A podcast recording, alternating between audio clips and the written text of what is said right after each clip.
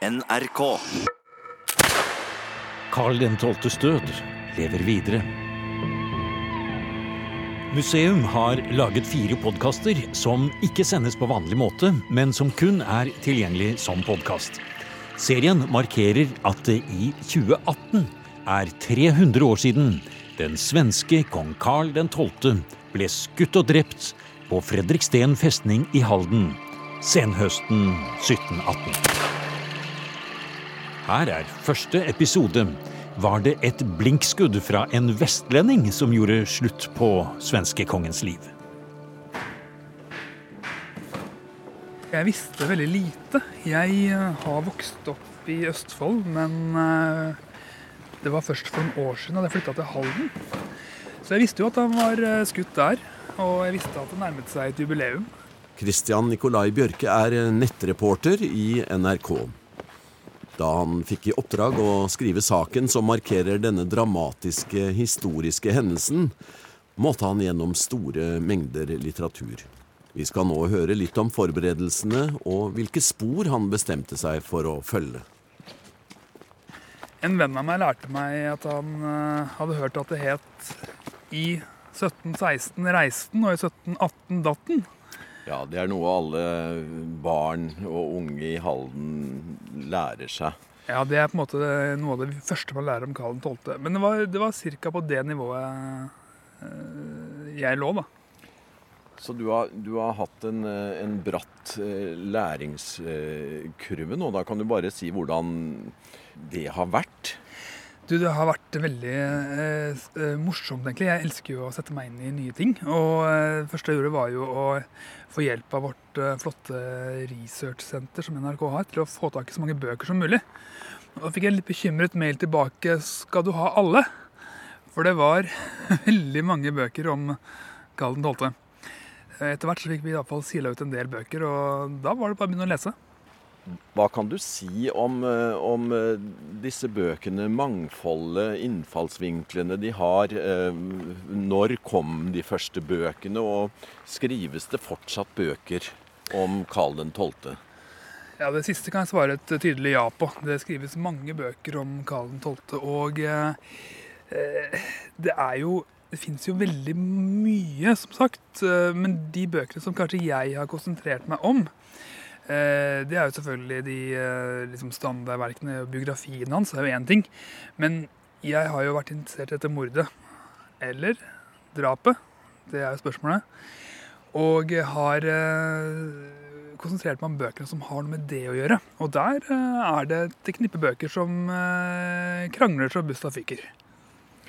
Hvordan fordeler disse bøkene seg på svensk og norsk side? Det er jo et bilateralt uh, forhold, denne hendelsen på Fredriksten? Det som jeg har kikka på, så er det jo ikke tvil om at svenskene har en mye større tradisjon til å gå virkelig dypt inn i, i, dette, i døden til kongen.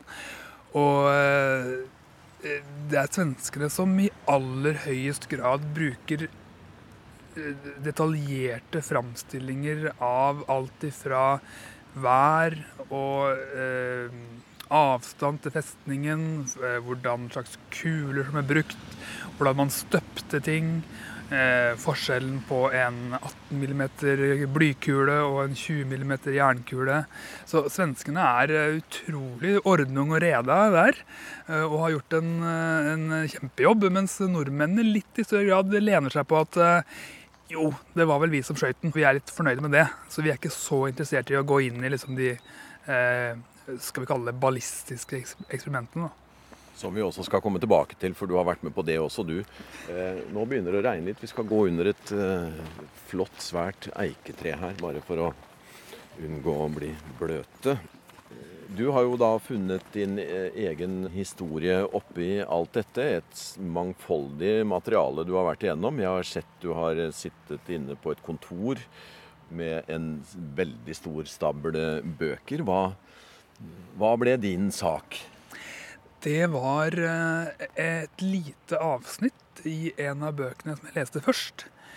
Hvor det sto at det var en eh, nordmann som hevdet at det var han som skøyt Karl 12. Og da tenkte jeg at dette er jo spennende for, eh, for eh, oss i Norge. Altså, Fins det virkelig en navngitt person som kan ha gjort det? Og da begynte jeg å nøste opp i det.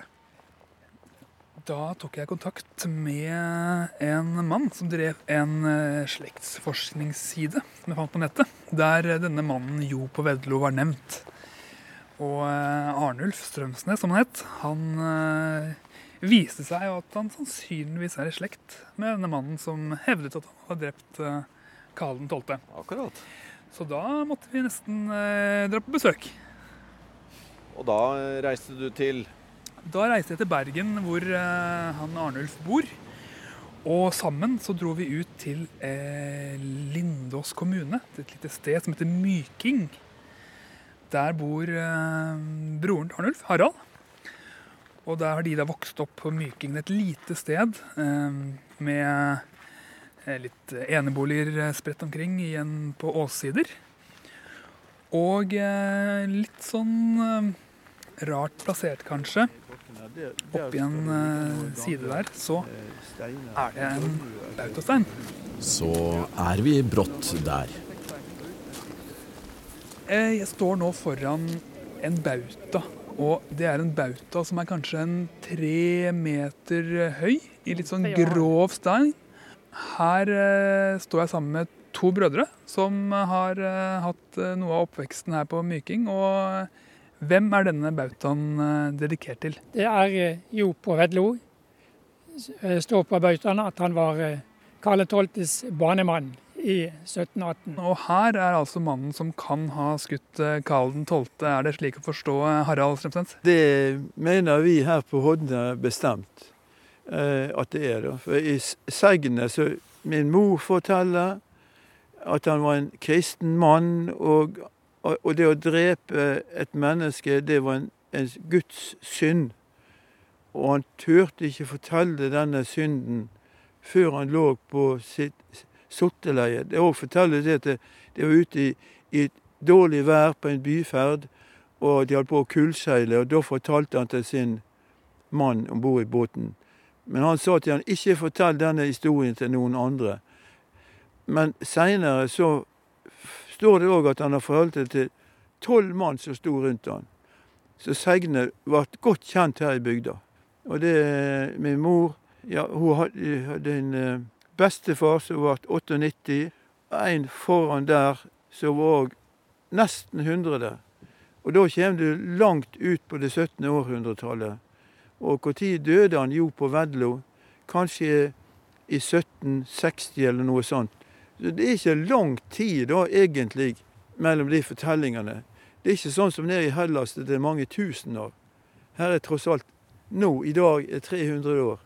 Kan du si litt om hvilken posisjon Jo på Vedlo har her på Myking?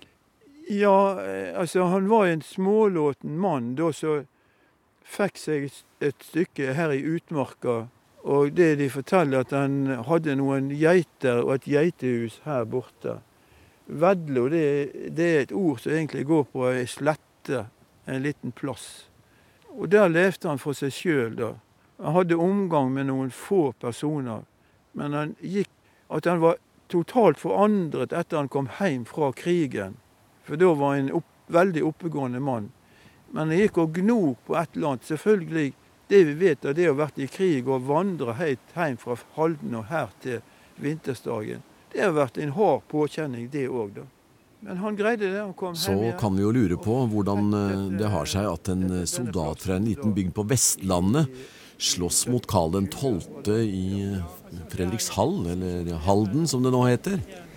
Ja, det var slik at i 1718 så hadde det Bergenhusiske kompani, mener jeg det het, vært i, i, i Fredriksten i flere år for liksom, å beskytte landet. Uh, litt om hvorfor de var der, det er det litt ulike teorier om. Det er jo sagt at det at uh, danskekongen på den tiden trodde kanskje ikke at de som bodde i Østfold klarte å skyte sine naboer i Sverige. At det var lettere å få inn vestlendinger som ikke hadde så nært forhold til disse folkene på andre siden av grensa. Eh, I hvert fall så lå disse her i dette kompaniet på Fredriksten da Karl 12. angrep. Det var eh, vel 106 vestlendinger der, eh, og 15 av dem kom fra det som het første nordhordlenske reservekompani. Og i dette kompaniet så var det en mann innrullert som het jo, Jon Johnsen Myking. Som er ganske sikkert samme person som Jo på Vedlo. Men det er en artig tvist her også, fordi at um, i innskrivingen av Jon Johnsen Myking så står det egentlig at han har desertert. Han møtte nok aldri på den innskrivingen, som var noen år tidligere. Så eh, en liten stund trodde jeg at han var borte vekk, at det var bare en skrøne alt sammen. Ja. Men så fikk jeg hjelp av en statsarkivar i Bergen som hjalp meg til å finne fram til at han var skrevet inn litt senere. Så han dukket opp igjen.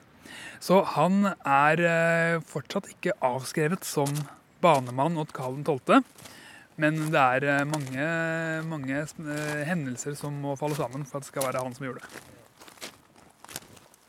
Men han greide det. Han kom hjem igjen og fikk dette, dette, denne plassen da i i 1720, var det det? Ja. ja, altså det er litt diskusjon om det, men vi kjenner til en Jon Johnsen Hodne som fikk eh, byksel på Hodna eh, i bruk eh, nummer seks, eh, Brekko. Nei, bruk nummer eh, Bruk eh, ja, Kjedal? Nei da, det var i Brekko. Ja. Og det er nok riktig det som står i Bøkselen. Spørsmålet er om det var denne Jo Johnsen Hodne som var Jo på Vedlo det er sannsynlig, men det gjenstår å bevise det. Eh, fordi at eh, det vi har hørt av vår mor og onkler, det er at eh, han bodde ikke på Hodne i Brekko. Han holdt til nede mot sjøen. Og der er det funnet noen rester av en grunnmur som kanskje har tilhørt han. Hva tenker folket på Myking da om, om det var virkelig Jo på Vedlo som er Karl 12.s banemann? Ja, de fleste tror på dette segnet. Men eh, jeg har hatt en eh, gammel søndagsskolelærer som noen er død, da. Og han ble jo litt i tvil på sine gamle dager. Jeg skal ikke nevne noen navn, da. Men eh, Og han hadde forsket veldig mye, og hatt slektninger òg som hadde vært inne og sett på dette. Men i og med at vi ikke har noe håndfast bevis, så må vi bare holde oss til det som har vært fortalt. da. Så han... Eh, Jostein Buene fortalte til meg i går. Plassen hvor informasjonen var spredt, det var på utenfor kyrkja når vi møttes etter preiken. Der frettas folk, som de sa, og fortalte gamle historier. Om at og om at. Og sånn har denne historien Jo på Vedlo gått i generasjoner. Det finnes jo noen spor etter han Jo på Vedlo og, eh, som kan si noe om han virkelig var på festningen da Karl 12. ble drept. Du har eh, sett litt på det her, eh, Arnulf. Hva, hva tenker du? Eh, vi har manntallet 1701. Der har vi en Jo Andersen, 52 år, og sønnen Jon Johnsen, 8 år gammel. Og så finner vi igjen da i 1713 denne her Jon Johnsen Myking som skulle skrives ut, og som da ble notert eh, desertert. Han, eh, det var i juni 1713, men allerede i november samme år så ble han eh, utskrevet som soldat i stedet for eh, eh Eirik Hansen Dale, som var absent, altså fraværende. Eh, hvis han da virkelig hadde desertert, så skulle han ha streng straff og sannsynligvis blitt henrettet, fordi at krigen, den store nordiske, var jo startet allerede i 09 altså 1709, med satt ut vakt langs grensen. Det var en spent situasjon. Men denne her karen fikk ikke noen straff. Han ble tatt inn igjen som soldat ganske raskt. Så det tyder på at det var ikke noen eh, desertering. Og som eh, Yngve Nedrebø sier, han kan ha hatt en god grunn. Og eh, vi har jo sett i dag hvordan været kan hindre noen av været å komme frem i dag. Og hvordan var det den gangen. Så min mening er at han nok hadde en god grunn. Og Det har jo vært litt eh, kontroverser rundt dette her etter at eh, Linda Eide hadde en program 'Norske attraksjoner' for noen år siden, hvor hun eh, vel kom fram til at han ikke var på festningen, hadde desertert. Hvordan ble det tatt imot her på Myking? Ja, Det ble ille tatt opp av veldig mange. Fordi at de har vært stolt av denne sambygdingen som forsvarte landet tappert. Og etter den siste verdenskrigen, altså 1945, her 17. mai, så selvfølgelig samlet folket seg. 17. mai-tog hit.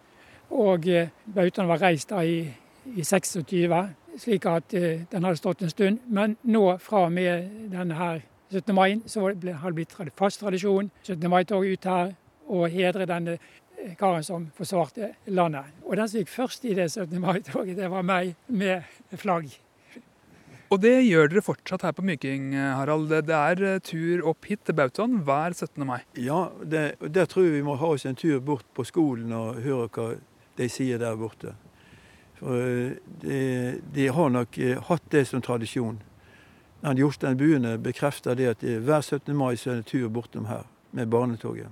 Men det, det er gjerne sånn at de oppveksende slekten er ikke så interessert i sånne gamle segn og sånn som de var før da. Men det lever fortsatt. Og så er det jo en um, debatt som går på dette med i hvilken grad kunne Jo på Vedlo klare å treffe Karl 12. Det var mørkt, det var kanskje 200 meter. Han skøyt med en muskett som jo det ikke er alltid like lett å treffe med. Eh, du har en liten teori på det her, eh, Arnulf. Hva er det? Vel, eh, noen sier at det var vanskelig å treffe en låvedør på 100 meters avstand. Og vel, det er godt mulig det. Men det var mange som ble drept denne kvelden og kveldene før. Tapet per natt kunne være 15 stykker, 17, noen over 20 slik at mange ble truffet. Og at da kongen kunne bli truffet, som lå på brystvernet der, med hodet og hendene over, det er jo svært sannsynlig. Hvilken kule som traff han, det er vanskelig å si.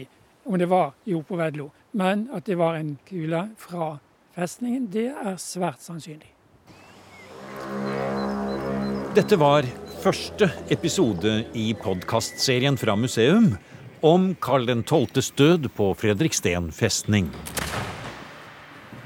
Denne serien er i fire episoder og sendes ikke i museums vanlige sendetid, men er kun tilgjengelig som podkast. Vil du kontakte oss, er e-postadressen museum krøllalfa nrk.no.